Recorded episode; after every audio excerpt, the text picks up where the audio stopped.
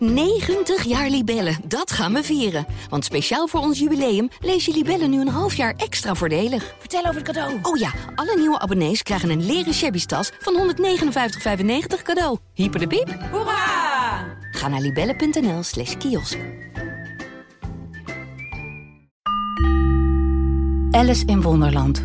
Achter de spiegel. Aflevering 27 door Hugo Koolschijn.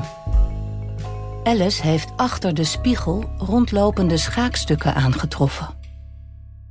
Alice zei naderhand dat ze nooit in haar hele leven zo'n gezicht had gezien als de koning trok toen hij merkte dat hij in de lucht werd gehouden door een onzichtbare hand en afgestoft.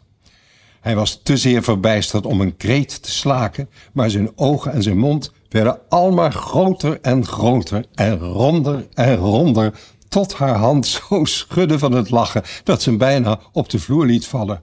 Oh, alsjeblieft, trek niet zulke gezichten, beste man, riep ze uit, helemaal vergeten dat de koning haar niet kon horen. U maakt me zo aan het lachen dat ik u nauwelijks meer houden kan. En sper uw mond niet zo wijd open, anders komt al die as erin. Zo, nu bent u geloof ik wel schoon, voegde ze toe, terwijl ze zijn haar glad streek en hem bij de koningin op de tafel zette.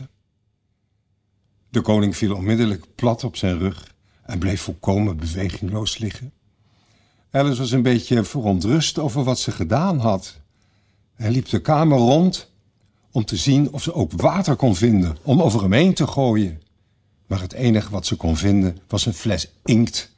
En toen ze daarmee terugkwam, bleek hij weer bijgekomen te zijn en waren hij en de koningin in angstig fluisterend gesprek.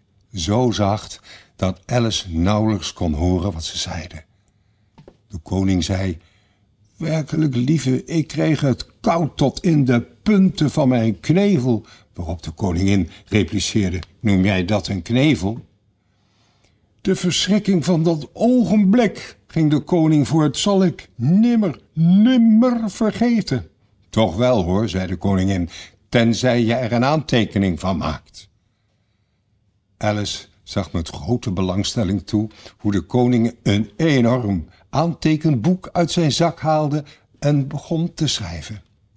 Een plotse gedachte viel haar in en ze pakte het eind vast van het potlood dat een eindje boven zijn schouder uitstak en begon voor hem te schrijven. De arme koning zag er verbouwereerd en ongelukkig uit en worstelde een poosje met het potlood zonder iets te zeggen, maar tegen Alice legde hij het af en tenslotte bracht hij hijgend uit. Lieve heus, ik moet echt een dunner potlood hebben. Hiermee kan ik totaal niet overweg.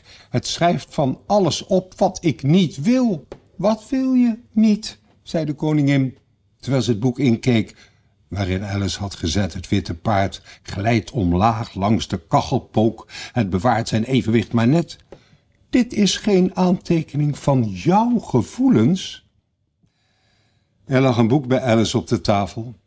En zonder de witte koning uit het oog te verliezen, want ze was nog wat bezorgd om hem en ze hield de inkt klaar om over hem heen te gooien voor het geval hij weer flauw viel, sloeg ze de bladen om op zoek naar een stuk dat ze kon lezen.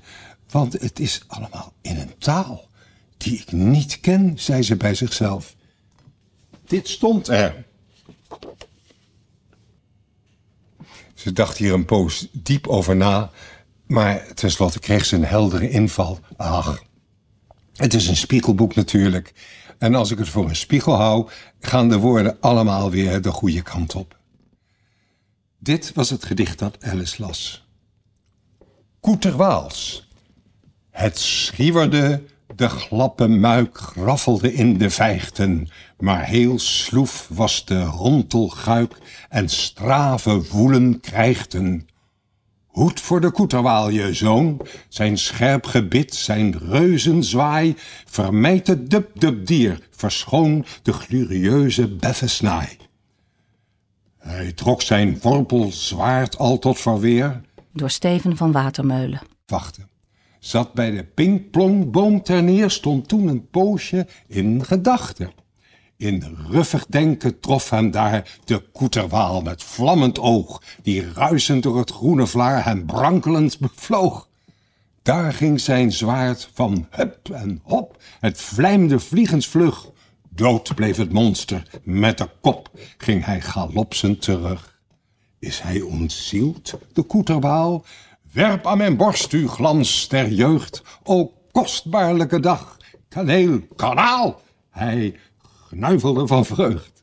Het schiewerde de glappe muik, graffelde in de vijgten, maar heel sloef was de rontelguik en strave, woele krijgten.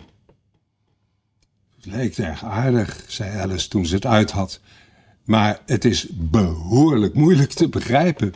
Ze vond het niet prettig, moet je weten, om zichzelf toe te geven dat ze er niks van snapte. Op de een of andere manier vult het mijn hoofd met ideeën, lijkt het, alleen weet ik niet precies welke. Maar iemand heeft iets gedood, dat is in elk geval duidelijk. Maar oh, dacht Alice opeens opspringend, als ik niet voortmaak, moet ik straks terug door de spiegel voordat ik gezien heb hoe de rest van het huis eruit ziet.